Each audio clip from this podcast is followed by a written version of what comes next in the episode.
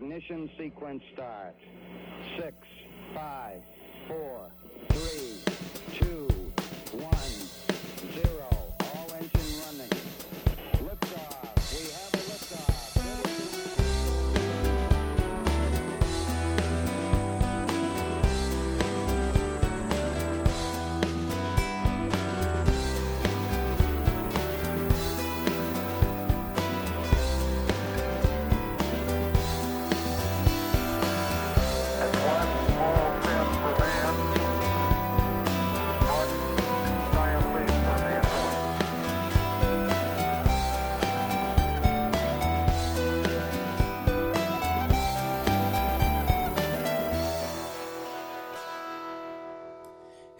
välkomna till juliavsnittet av Slottspodd som är Slottsskogsobservatoriets poddradiosändning. Det här avsnittet skulle man kunna säga är ett sommarnummer.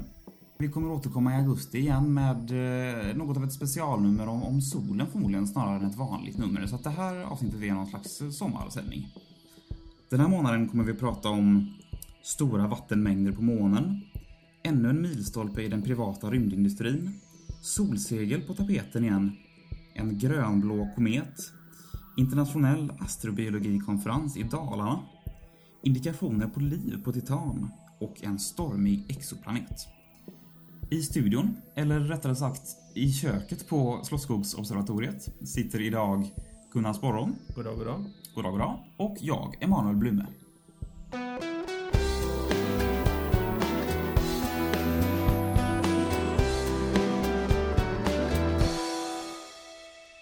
Under Apollo-månfärderna mellan eh, 69 och 72 där så hämtar man hem en hel del eh, rymdstenar ifrån, ifrån månen. Eller månstenar kan man väl säga då. Snarare. Ja, det var väl ett par hundra kilo om jag inte minns fel. Ja, det var ganska stora mängder där från, från de olika uppdragen. Nu har man, de här har ju legat i, i, i dvala, eller på att säga, de har legat i, i lager sedan dess. Och man har gjort nya analyser av de här stenarna och kommit fram till att det verkar finnas betydligt mer vatten i det här materialet än vad man tidigare har trott. Okej.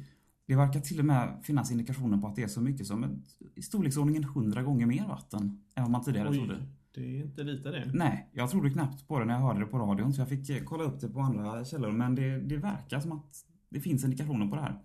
Sen har man ju inte varit där och kollat som sagt utan det här är ju 30-40 år gamla stenar så att det, man ska ta dem med en nypa salt. Mm. Saltvatten? Nej. Ehm, men eh, väldigt spännande är det ju onekligen. Med tanke på att vatten kan ju fungera som en, en väldigt nödvändig resurs då om man ska tänka sig att man har månbaser, gör olika månprojekt. Både som, som dricksvatten och som, som till odlingar och till, till bränsle. Ja, Att man kan dela på det och få ut väte liksom. Mm. För solenergin är ju i stort sett gratis där uppe. Ja, det är det. Men det finns ju många användningsområden för det här vattnet om det skulle finnas Precis. så pass mycket. Det finns till och med de som säger, eller de som säger, forskarna bakom det här säger att det är, borde räcka till ungefär en meter vatten över hela månytan om allt vattnet i, i kärnan då, eller i, ehm, I månen. ja precis, lades på, på ytan så att säga. Okej. Så det är ju ett världsomspännande hav då. Mm. Kanske, en- kanske inte riktigt så häftigt som på jorden. Nej, För på jorden nej. blir det väl tre kilometer. Ja, precis. smetar ut det jämnt. Precis. Så att det, man får gräva ganska rejält för att hitta det här och det är ju inte lätt att få upp det direkt. Nej, precis. Det blir väl till att sönderdela stenarna rent Ja. kemiskt väl. Precis, så frågan är hur, hur mycket man vinner på det. Men det får vara ett långtidsprojekt då, som allt annat vad gäller Ja. månresor. Fördelen är att man har nästan obegränsat med energi. Ja, precis. Så I att, form av eh, solen där. Mm. Så det går ju att göra väldigt mycket om man bara har tålamod. Precis.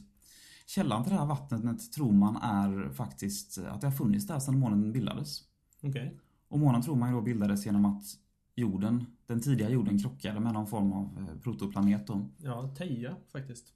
Teja heter Ja, den det? den har ett Hette namn och eh, var storleksordningen ungefär lika stor som eh, Mars. Och, Det har jag hört talas om. mm, och ramlade ner ungefär 100 miljoner år efter att jorden var bildad. Så den har nästan eh, sannolikt börjat stelna men inte mycket mer.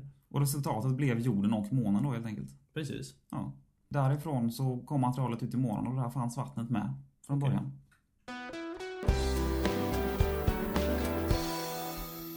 När vi ändå talar om eh, månlandningar och rymdresor så läste jag här om veckan att eh, SpaceX, jag tror att det är en och annan av er som har hört talas om SpaceX som är en, eh, ett privat rymdinitiativ i eh, USA. Mm, jag har läst om det.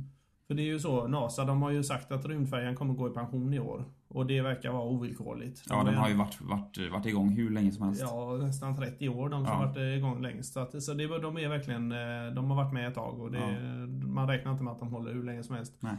Och därför så har man eh, då erbjudit ett förhållandevis, eh, vad ska jag säga, det är inte särskilt eh, stort pris men dock ett pris för de som är först med att kunna skicka upp en kommersiell version med människor i rymden.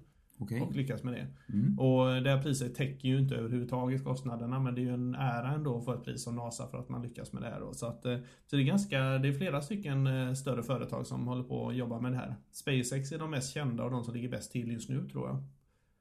Och nu lyckades de. De skickade upp den 7 juni en, eh, en eh, satellit kan man säga, eller en, eh, jo det blir ju en satellit eftersom det inte är några ombord då. Där man har en tvåstegsraket som skjuter upp den i omloppsbana och själva raketen heter Falcon 9. De har alltså skickat upp några stycken redan. Och själva farkosten Dragon, som den heter, skall kunna forsla både människor och material till rymdstationen. Mm. Och man hoppas väl på att kunna göra det inom ett år. Börja skicka upp saker för NASA då. De har skrivit på avtal med NASA att när den här är igång så kommer de att köra upp eh, material till rymdstationen för NASA då. Okej, är det här den första nya, vad ska man säga, rymdfarkosten av den sorten då på 30 år? Ja, i USA i alla fall. Ja. Ja, precis. För de, U- om vi säger NASA, de har haft lite projekt på G sådär. Men sen så har medlen eh, för att tillverka de här dragits in ifrån eh, amerikanska staten. Och man har Ja, okej. modifierat rymdprogrammet lite grann och så här. Så nästa satsning de gör, som eh, de gör själva NASA, kommer ju bli Marsresor. Eller, vi pratade om det några nummer sen här, om att eh, de ska åka ut och besöka en asteroid med Mm, människor. Mm. Men det är om eh, 15-20 år och sådär. Mm. Just nu ligger deras mänskliga program på eh, is kan man säga. Så att de eh, kommer inte göra något närmsta åren då. Nej, okej. Utan eh, satsa på större satsningar. Men den här eh, SpaceX i alla fall, de lyckas få upp den här i en omloppsbana som är ganska cirkulär på 250 km höjd. Alltså exakt vad de ville uppnå. Och eh, den kommer att ramla ner mellan eh, Iran och Syrien hoppas man nu. Den, eh, faktiskt idag. Nu är det 27 jul, juni. Ja, i, I talande stund så att säga. I talande stund, precis. Så i, i midnatt 27 juni nu så kommer den att ramla ner. Ja, Och, Så har vi ett dovt dunk så vet vi vad det är. precis, exakt. Så, Ett plask är det väl kanske förmodligen? Ja, det blir väl så skulle jag tro. För Ja. de siktar väl inte på att landa på land. Det, Nej, det är är lite väl bara, rys, riskabelt. bara ryssarna som eh, kört det temat tidigare. Ja, Och okej. De ja, har det har de gjort med människor och det, det funkar ju med en rejäl fallskärm om man ligger bra i stolen. Men det är ju, känns ju som att det är kanske lite lugnare att landa i vattnet.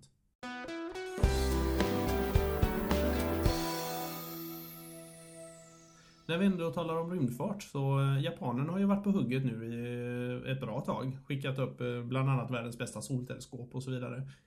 Och nu den 21 maj så skickade de upp eh, faktiskt det elfte lyckade försöket i ordningen. En eh, rymdfarkost nu då. Som eh, innefattade två delar kan man säga. En farkost som skulle in till Venus och studera Venus i detalj. Mhm. Och den kommer samarbeta väldigt, eh, väldigt eh, integrerat med det europeiska rymdprojektet med Venus Express som kör runt just nu då. Ja. Så att de hoppas att den ska kunna vistas här samtidigt och att Venus Express förstås fortsätter att funka då. Och sen dessutom, det som egentligen är riktigt intressant är att de skickade upp en eh, version av solsegelfarkost. Det är alltså två projekt i samma, samma projekt. Ja, två två delar av projektet alltså. En, en Precis. Venussond och en solsegel. Ja, för den ska åt andra hållet faktiskt. Ja, just det. Det är svårt att segla inåt. Eh, Ja, el- ja, det kommer inte funka. Man, Nej. man kryssar liksom inte i nej, nej, kan man säga. Så att- Inte än. Nej, så, men, och den har ganska lite segel ska jag säga. Det är en väldigt liten farkost. Så att den har segel på 24 gånger 24 meter. Ja, det låter ju inte litet men man får tänka på det att det här, eh, dels solstrålningen ifrån solen och dels solvinden, eh, det är ju de två krafterna man använder. De är ju ganska begränsade ändå. Det är ju väldigt, väldigt tunn gas som färdas utåt och trycket ifrån fotonerna eller ljuset ifrån solen är ju också ganska begränsat då. Är det, är det både gasmolekylerna och fotonerna man seglar på alltså? Ja, just det. Precis. Ja, För okej. man måste ju utnyttja... eh, Ja, solvinden har ju faktiskt en hastighet på... eh, Nu minns jag inte exakt, men det är några kilometer i sekunden. Mm. Och även om det är få partiklar så kommer de där och krockar Ja, det blir seglet. några där som... Ja, precis. Det blir lite drag i alla fall. så. Ja. Så att det är... Och dessutom, det roliga med det här seglet är att man både utnyttjat, eh, utnyttjat det som ett segel då. Det här är tunt ungefär som eh, en bråkdel av ett hårstrås tjocklek. Så väldigt, väldigt tunt. Mm. Dessutom har man lyckats med, och det är ganska imponerande att man lyckats lägga solceller på det här tunna, tunna seglet. Man har lyckats bygga flexibla solceller som går att vika ihop och fälla ut. Okej. Och det är ju en bedrift faktiskt. Ja, Mjuka, det måste man säga. Så pass tunna. tunna mjuka solceller. Så. Ja. Så att eh, vad man kan använda det till, det återstår att se. För det kan komma mycket applikationer på det. Mm. Men eh, det roliga är ju då att de testat med det här sonden Ikaros då och ska använda solseglet fysiskt för att kunna segla utåt i solsystemet. Jag tror inte det kommer gå fort. Det kommer gå väldigt, väldigt långsamt. Men det, Åtminstone till en början. Det kommer ta väldigt lång tid att få upp farten på den. precis. Men eh, samtidigt har den då i princip ingen begränsning mer än att den, den kommer nog inte komma upp snabbare än solvinden. Men ett par kilometer i sekunden är ju inte heller att leka med. Nej. Så att det är ju Det blir svårt att få den att stanna sen bara. Ja, det blir det ju. Fast eh, problemet med solvindsraketer är ju det att man... Eh, idén är jättebra. Det drar ingen bränsle, ingenting. Men vad händer när man kommer utanför solsystemet? Det vill säga när man börjar närma sig nästa stjärna. Då kommer det börja bromsa. Ja, precis. Så man, man- fälla in eh, Ja, precis. Så det blir fritt fall då. Ja. Så, eh, så man räknar med att eh, den här typen av farkoster kommer inte användas för interstellära rymdfärder. Utan det är ju för att komma nå de yttre delarna av solsystemet. Ja, okej. ja, för det blir, det blir så svag vind så att säga, Ja. om man nu kallar det det, när man kommer längre ut. Precis, både solljuset och vinden minskar ju med avståndet.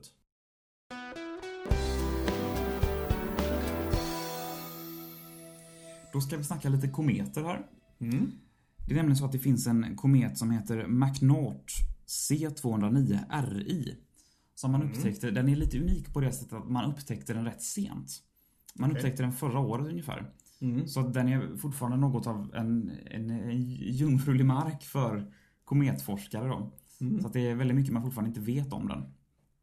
Och en orsak till att man inte såg den förrän så pass sent är att den är rätt mörk i färgen. Okej. Och den är faktiskt den är lite spännande för att den är eh, grönblå färgad. Okej. Och den befinner sig nu på, en, eh, på ett avstånd från jorden av eh, 100 miljoner kilometer ungefär. Det är ungefär två tredjedelars astronomisk enhet. Det vill Ja, säga just det. avståndet mellan jorden och, och solen. Mm. Så nu håller man på att studera den här för glatta livet då. Den har en kärna, har man kommit på, som består av sten och is, som de brukar göra. Och som är några kilometer i diameter sådär. Okej. Men den här koman som omger kometen är flera hundra gånger större än jorden. Mm. Och den har en gassvans som är flera miljoner kilometer lång. Det är ju inte unikt för en komet så att säga. Men det är rätt häftigt ändå när man tänker sig den här lilla isklumpen som vi annars aldrig hade sett. Nej precis. Det, så det är inte konstigt att man inte ser dem förrän de så att säga kommer in och Nej, plötsligt vecklar ut den här gigantiska majestätiska svansen då, när de kommer i Mm. kontakt med solljus och solvind som vi precis pratade om då. Ja, just det. Jag var faktiskt ute och kollade efter den här om dagen. Jag har det.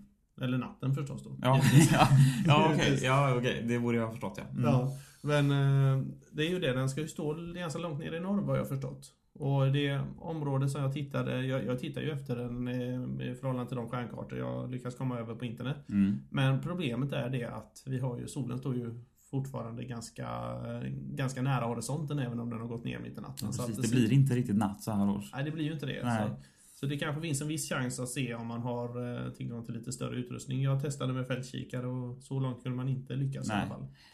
Om man har någon, någon kamera med lång exponeringstid eller något sånt här kan man nog förmodligen få syn på den. Ja, Men precis. det är ju lite meck med det där så det... Och li lite högre förstoring också för att öka kontrasten kan Ja. man ju ge sig på att försöka. För att hitta kartor på det så kan man ju gå in, eh, antingen söker ni på namnet, vad sa du den hette? Den heter McNaught Mm. eh, C209 RI. Mm. Det räcker nog med C209 Ja, för att hitta Ja. den. Eh, Så finns det ju kartor på internet. Det är ju väldigt många amatörastronomer som försökt hitta den. Det var så jag fick reda på informationen om den bland Ja, annat. Så det är ju dagens utmaning. Men det är klart att ska ni på semester neråt södra Europa så har ni väl några chanser till nu ett litet tag till. Mm, den är sen- som starkast i slutet av juni. Sen blir den Mm. svagare och svagare igen. Så när det här programmet är ute så är det nog eh, rätt svår att se skulle jag tro. Ja. Även längre söderut. Japp.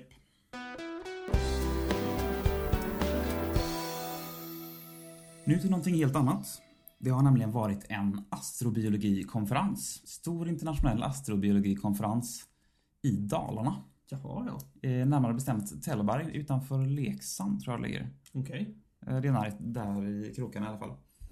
Den här konferensen har varit eh, omkring 80 deltagare med Mm. allt ifrån eh, doktorander och studenter till professorer och, och forskare som har delat med sig och, och nätverkat och presenterat avhandlingar och, och uppsatser trevligt. Ja. Så att det, det är en ganska stor, jag vet inte om man ska kalla det för folkrörelse, men någonting Mm. åt det hållet. Ja, just det. Runt om i, i världen, framförallt då på de akademiska arenorna. Ja, Med, med både fysiker och biologer och, och kemister och alla möjliga inblandade. ja, det är ju faktiskt ett rätt nytt stort eh, forskningsområde som man faktiskt kan satsa seriöst på nu. Ja, ja faktiskt. Det har Det- alltid var, verkat lite flummigt eh, liksom tidigare men nu har man faktiskt etablerat för, för det finns ju goda möjligheter egentligen att hitta liv utigenom.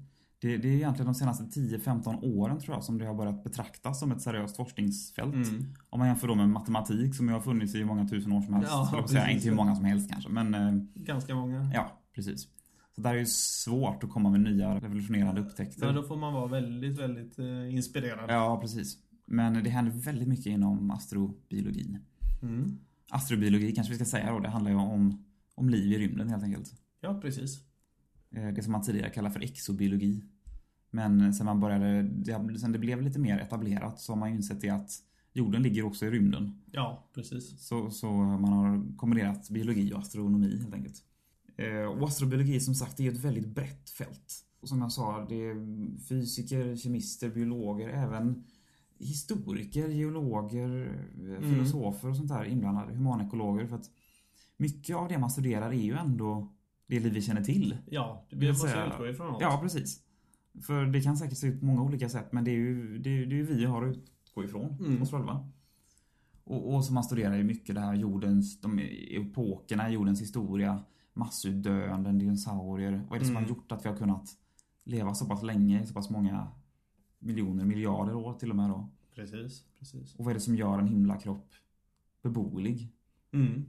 Och, och sådär. Så jag, det är ju ett av mina absoluta favoritämnen då inom astronomi. Ja, vi har ju berört det några gånger under eh, de här numren vi Ja. det- kommer nog dyka upp igen. Jag, misst, jag eh, misstänker det mycket starkt faktiskt. Jag kan, ju, jag kan ju också gå över lite då på en, en eh, liten kort notis jag fick reda på att man har Det ploppar ju upp exoplaneter nu, nya som svampar ur jorden nästan, som man, Mm. Ja, hinner, som man får syn på. Och den här har vi nog tagit upp tidigare, även om jag inte tror att jag kommer ihåg namnet på den, för den heter nämligen HD 209-45-8B. Mm. Eh, om det inte säger det något så förstår jag dig. Eh, men i alla fall, det här är en rätt spännande planet av sån här het Jupiter-typ. Mm. Det är, en, eh, det är de man brukar hitta, de här stora gasplaneterna som är relativt nära sina, sina stjärnor då. Och det är därför de är så varma. Men vad man som är unikt med den här är att man för första gången har kunnat studera atmosfären, inte bara sammansättning, hur det ser ut med spektrometri och sådär, utan Nej. faktiskt mäta vindhastigheter och Okej. sådana grejer. Så man har mätt upp stormar på upp mot 2 km i sekunden faktiskt. Oj, Uppe det här. är häftigt. Måste, Ja, det är måste vara rejält. över atmosfären säkert då. Ja, det, ja, precis. Övre delen av atmosfären. För det, det är rejäla, det är ju nästan interplanetära hastigheter höll jag på att säga. Ja, precis, precis. Som solvinden. Ja, I de krokarna åtminstone. ja verkligen, Ja. verkligen. Så det, det är rejält och det är förmodligen inte så, så tjocka luftlager här utan det är väl Nej. tunna men det är ändå Det är ändå häftigt. Om man jämför med, det är väl Neptunus och Jupiter som har de stora starka vindhastigheterna tror jag i, vårt solsystem. De är väl uppe på en halv kilometer i sekunden eller något sånt här. Eller Neptunus åtminstone. Ja. 500 kilometer i timmen. Det- om det till och med- Eller, det nej, kanske är nej, så förlåt, förlåt. Kilometer i timmen. Nej, det är långt ifrån. Ja, Riktigt långt ifrån. vi, faktiskt. ja vi ska inte svära på några siffror här Nej, men men- eh, det blåser mycket där jämfört med jorden och det blåser mycket på den här planeten då jämfört med Med Neptunus planeter. eller några, något annat i vårt solsystem. Just det. Och det är då tack vare läget på den här planeten som man har kunnat mäta det här, just att den går precis framför stjärnan. Mm. Ofta när man mäter exoplaneters omloppsbana och massa och sådär så tittar man egentligen mer på stjärnan än vad man tittar på planeten. Ja, just det. Precis. Men här kan man faktiskt se planeten framför eftersom den går precis i linje med oss då. Mm. C är kanske att ta i eller? Ja, det är ju något visuellt i alla fall. Så Ja, vi, vi precis. ser ju den i någon mån även Ja. om vi inte tittar upp och ser ja, där var en liten prick. Man ser en väldigt partiell solförmörkelse. Ja, man precis. Det det blir, en- det blir, stjärnan blir lite, lite mörkare då. Mm, just det. Men det räcker för att kunna plocka ut en himla massa data faktiskt. Ja, man kan använda dopplereffekter och grejer och, och Ja. mäta ut saker. Så det är spännande. Det är tufft. Ja. När vi ändå pratar om... Nej, det kan vi inte säga för vi har faktiskt bytt ämne rätt radikalt här. Men jag tänkte gå tillbaka till astrobiologin lite grann. För att eh, det är nämligen så att i eh, häromveckan så har de eh, gjort lite nya mätningar på Titan. Denna klassiska planet som vi alltid träffar. Mm. Eh, Till och med måne vill jag... Förlåt, ja till och med månen. Eh, Denna fantastiska måne som alltid är med i vårt program. Ja, den har blivit något av en, en redaktionsfavorit här. Ja, precis. säga. En ikon för våra Ja. program nästan. Eh, jo, man gjorde lite mätningar på eh, halterna acetylen och väte i atmosfären. Vilket, ja, jo, det kanske inte säger något direkt om livsformer på planeten. Men samtidigt ska vi säga så, man har räknat ut teoretiskt att det finns möjlighet att bygga liv som kan andas väte istället för syre som oxidationsmedel i, eh, i kroppen så att säga. Och som kan käka acetylen som kolkälla istället för som vi käkar morötter istället och så här. Acetylen, det är väl det man har i, gasvätsar och grejer? Ja, precis. Så att det är en eh, på jorden ganska instabil gas kan man säga. Mm. Men under de omständigheterna på eh, Titan så är det ju ganska så svalt. Ja. 180 minusgrader så. Ja, precis. Så att där kan den ju leva ett ganska stabilt liv i den atmosfären som finns. Acetylenen alltså? Acetylenen, Ja, ja, precis. precis. Ja, även vätet för den delen. Ja, jag vet det. Ja. Men eh, livsformerna är fortfarande hypotetiska då. Mm, precis. Men det roliga man upptäckt nu, det är det att acetylengasen den eh, finns inte. Och det är ju lite konstigt. För det finns metan har man mätt upp stora mängder i atmosfären. Och man vet att när metan bestrålas med ultraviolett ljus bryts det ner. Det kan bildas, eller rättare sagt det bildas acetylen och det bildas eh, vätgas. Det är det som är grejen att Ja. eh, där metangasen förlorar ett väte och så klumpar de ihop sig med andra som Ja. förlorat ett väte och så får man till Precis. slut acetylen. Det är så eh, energin kommer in i acetylenen egentligen då. Men, Ja, den som eh, bakterierna, de potentiella Ja. bakterierna vill åt. ja, precis. Men vad sa du, den, den fanns inte acetylengasen? Nej, precis. Den finns inte. Man ser alltså att det bildas väte ifrån metan som bryts ner. Och eh, lossnar det väte så måste metanet ta vägen någonstans, borde bilda acetylen, vilket det säkert gör. Nu, nu kan det ju vara geologiska processer som binder upp acetylengasen.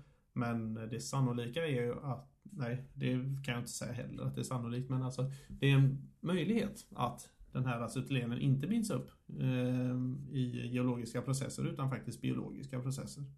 För en annan sak som man ser, det är den här vätgasen. Mycket av den forslas ut i rymden. Det vet man eh, både teoretiskt och rent praktiskt kan man se att den åker upp i atmosfären och åker ut i rymden. Mm, vätet är ju så pass, så pass lätt så att Ja. även i en sån kall miljö så, så, smiter det iväg. Precis, så smiter det.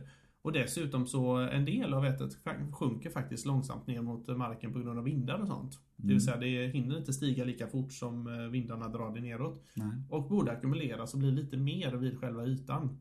Mm. Istället så ser man en sänka så att säga, att man ser lite mindre väte precis vid själva ytan.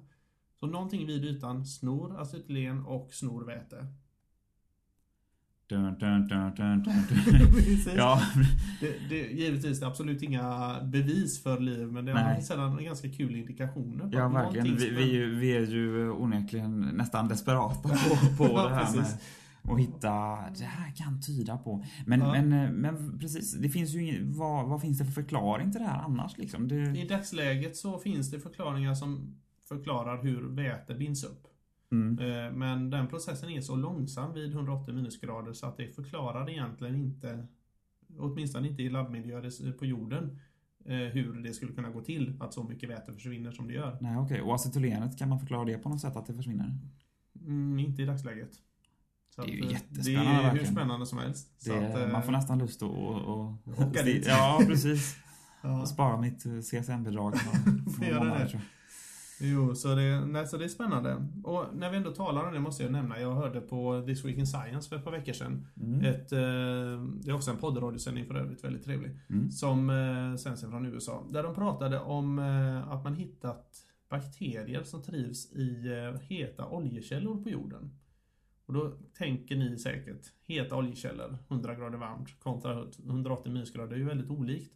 Men kanske inte, för, för skillnaden är, eller likheten är i alla fall, att mängden vatten i en het oljekälla är nästan noll. Det vill säga man kan inte använda vatten som lösningsmedel eh, till de biologiska processer som man normalt har i kroppen. Nej. Men det finns bara ytterst begränsade mängder och de måste bindas in i cellerna väldigt effektivt. Och eh, där har man hittat li- livsformer som faktiskt trivs i den här miljön där det är nästan 100 grader varmt och eh, i princip torrt då. Samtidigt så eh, lösningsmedlet är kolväten, det vill säga långa kolmolekyler. I titans fall så är det väldigt, väldigt korta kolmolekyler men dock Mm. kolmolekyler fortfarande, eller kolföreningar med kol och väte. Ja, det är väl etan, det är väl... Ja, metan och etan Ja. som, plus en del kväve då. Men kväve Ja. har ingen biologisk effekt vad vi vet åtminstone. För att det är en, ganska svår gas att knäcka för, en, Ja. eh, för de flesta bakterier. Inte alla dock. Så att eh, så miljön är inte helt olik. Till skillnad med den lilla skillnaden att temperaturen är så mycket lägre då. Mm. Så, det, ja, det. så vem vet, vem vet. Ja, det är de här extremofilerna som man eh, som, äl- som älskar, eller älskar, som verkligen kan leva i de här extrema miljöerna. Ja, Där det är väldigt kallt, väldigt varmt, till och med radioaktivt och, Ja. och med, med, med höga tryck och sånt där. Liksom. Det är mycket det man forskar på inom, inom astrobiologin. ja, just det, precis. Och man hittar ju överallt på jorden man letar så finns det ju bakterier. Ja, Liksom det, det, de har till och med hittat, nu hittas små kräftdjur som levt isolerade från, eh, från havet runt omkring i eh, kanske en miljon år nere under Antarktis.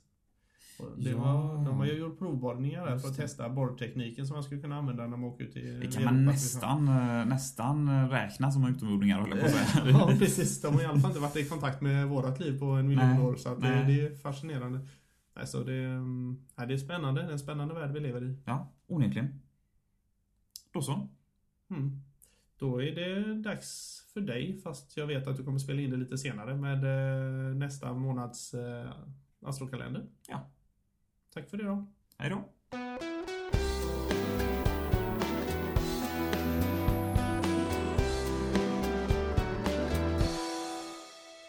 Nu går det äntligen mot ljusare tider för astronomer.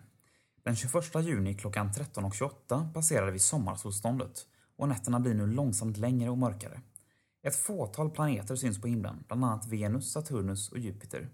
Förutom detta så ser man, när det är som mörkast, satelliter och ett och annat stjärnfall. Så till stjärnhimlen i juli månad som kommer att vara som mörkast runt 01.00 på natten. Tittar du mot väster, knappt 25 grader uppåt, så ser du Arcturus i Björnvaktaren, en röd jätte på ett avstånd av 37 ljusår. Tittar du åt söder och vänder blicken aningen åt vänster så ser du cirka 40 grader upp Altair i Örnen, en het vit stjärna på bara 16 ljusårs avstånd. Från syd-sydväst och snett uppåt vänster genom Örnen sträcker sig Vintergatan för att gå ner i nord-nordost, även om det den största delen av tiden är alldeles för ljus för att den ska kunna gå att upptäcka. Ska du ha en chans får du kolla i söder runt 01.00. Återgår vi till Altair och Arcturus så finner vi mellan dessa två några ljussvaga stjärnbilder, nämligen Ormen och, något nedanför den, Ormbäraren. Båda de här är riktigt ljussvaga stjärnbilder. Ormbäraren kan man för övrigt födas i mellan den 30 november och 18 december, något som de flesta astrologer helt missat. Det har ju hänt en del med himlen de senaste 2000 åren. Ovanför ormen, åt höger, ligger Norra Kronan, en halvcirkel av ganska svaga stjärnor. Rakt ovanför ormen ligger Herkules och ovanför den, nästan i zenit, ligger Vega i Lyran. En starkt lysande het jättestjärna på 25 ljusårs avstånd. Fortsätter vi till vänster om Altair har vi stjärnbilderna Delfinen och Pegasus. Nedanför dem ligger Lilla Hästen, Vattumannen och till höger om den Stenbocken. Alla dessa stjärnbilder är väldigt ljussvaga och svåra att se i sommarljuset. I öster ligger Fiskarna lite till höger och Väduren lite till vänster. Nedanför Väduren, nära horisonten, ligger Lilla Mars. Och ovanför Mars hittar vi stjärnbilden Andromeda. Till vänster om Mars, i nordost, ligger Plejaderna som knappt går att se i horisontdiset. När de väl börjar komma upp kommer även solen närmare horisonten och det ljusnar, så vi får vänta ett tag innan de syns fint igen. Ovanför Plejaderna, 23 grader upp i nordost, ligger Perseus. Ovanför den, cirka 50 grader upp, ligger Cassiopeia. I nordväst ligger Karlavagnen, eller Stora björnen om man även räknar in de svagare stjärnorna. Snett nedanför, till höger mot norr, ligger den svaga stjärnbilden Lodjuret. Rakt under den ligger Lilla Lejonet. Så lite om vårt eget solsystem i juli. Vi startar som vanligt med månfaserna. Månen är i sista kvarteret den 4 juli klockan 16.37. Nymånen infaller den 11 juli klockan 21.41. Månen är i första kvarteret 18 juli klockan 12.12 och åter full den 26 juli 03.38. Så planeterna. Merkurius ligger som längst till vänster om solen, det vill säga väster, i slutet av juli. Trots detta går den på grund av sin dåliga vinkel i förhållande till solen ner nästan samtidigt med solen och kommer inte synas för blotta ögat. Venus ligger fortsatt fint i väster efter solnedgången.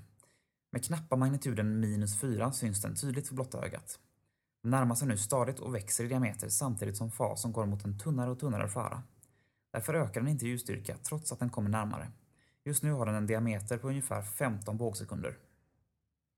Mars ligger vid solnedgången strax till vänster om Venus i väst-sydväst. Bara aningen högre upp än Venus. Den har just nu knappt en magnitud i ljusstyrka och lyser därför som en av de lite starkare stjärnorna, men inte den starkaste. Och den är inte så mycket att se i teleskop så här års. Jupiter går nu upp kring ett-tiden och går att se under de tidiga morgontimmarna när den rör sig från horisonten rakt till öster och snett uppåt mot söder.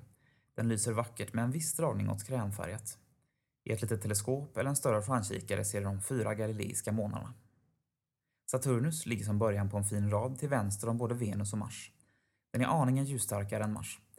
I ett teleskop med 20-30 gångers förstoring ser du tydligt de ännu så länge väldigt smala ringarna. Bilder med 200 gångers förstoring kan du se på Slottsskogsobservatoriets hemsida och det är bilder som vi själva tagit genom våra stora teleskop. Uranus ligger fortsatt nära Jupiter, bara ett par grader åt höger. Du borde kunna få in dem i samma fältkikarvy även om inte teleskopet täcker båda två. Så några andra händelser under juli och augusti. 4 juli kommer fullmånen att passera inte långt ifrån Jupiter. 6 juli ligger jorden som längst från solen med 1,017 astronomiska enheter. 7 juli kör Cassini-sonden förbi Titan igen. Vi får se vilka nya data som kommer ut av detta. 8 juli ockulterar månen asteroiden Iris, det vill säga den passerar framför asteroiden. Iris är av magnituden 9,3 och kommer du kunna se som ett mindre teleskop. Passagen går att se från delar av norra Sverige. För mer info kan du gå in på JPL Space Calendar. Den hittar du enklast via din favoritsökmotor. 8 juli ockulterar också asteroiden Roma stjärnan HIP 79593. Det här går att se från södra Sverige, söder om Göteborg. Svensk amatörastronomisk förening har mer information som du kan hitta via www.saaf.se. 10 juli kör Rosetta-sonden förbi asteroiden 21 Lutetia. 11 juli är det solförmörkelse som syns ifrån södra Stilla havet och Chile. 30 juli kommer Saturnus och Mars att passera nära varandra. Det innebär världens fotomöjlighet. Om du har ett teleobjektiv till kameran vill säga. 30 juli var det också 400 år sedan Galileo observerade Saturnus ringar, som den första människan som fick se de här, även om han då inte visste vad det var. 31 juli passerar månen åter Jupiter och Uranus. 5 augusti, alltså bara några dagar senare, kan du se Mars och Venus jämte varann med Saturnus ovanför en liksidig triangel. Ännu en fotomöjlighet. 5 augusti följer också Neil Armstrong 80 år, vår första man på månen. 8 augusti så är det Venus tur att gå förbi Saturnus. Och 18 augusti kommer även Venus och Mars passera varandra på nära håll. Alla de här passagerna sker i skymningen så du får vara redo med kameran redan innan det blivit helt mörkt. I slutet av augusti kan du också hålla utkik efter de första perseiderna som kommer att se ut som att de kommer ur stjärnbilden Perseus. I övrigt kommer de att synas bäst natten mellan den 12 och 13 augusti från 22-tiden och fram till gryningen. Vad händer då på observatoriet den här månaden? Jo, vi har enstaka privata förbeställda visningar några sena kvällar plus att vi själva observerar. Några saker värda att markera i kalendern är att vi kommer att anordna meteorobservationer tillsammans med Göteborgs Botaniska trädgård den 12 augusti klockan 22. Vi observerar utanför fiket i Botaniska trädgården. Ta med solstol eller liggunderlag. Ta också med fika och varma kläder. Men ta inte med några ficklampor. Vi kommer också ha öppet under Way Out West den 12-14 augusti. Folk under 25 år kommer att komma in gratis. Vi har också öppet den 12-14 mellan klockan 12 och 17 och visar solen. Dessutom har vi öppet den 13 och 14 klockan 21 till 00 för att se vad som syns på himlen. Fredagen den 27 augusti klockan 20.00 samlas vi på Göteborgs naturhistoriska museum för att lyssna på ett entimmes föredrag kring fladdermöss. Därefter ger vi oss ut och letar fladdermöss med ultraljudsdetektor i Slottsskogen och Botaniska. Kvällen avslutas på Slottsskogsobservatoriet med månobservation runt midnatt och en timme framåt. Är du sugen på att komma till observatoriet trots sena kvällar så fixar vi specialvisningar i av personal. Visningarna blir rätt sena och kostar 550 kronor per timme på vardagar. På dagtid går det att beställa solvisningar samt visningar på teman som spektroskopi, optik eller planetpromenaden. Allt sånt anmäls på 031 12 23 00. Du kan också kontakta oss på det numret om du är intresserad av att vara med och göra det här radioprogrammet. Fram tills dess önskar vi klara skyar.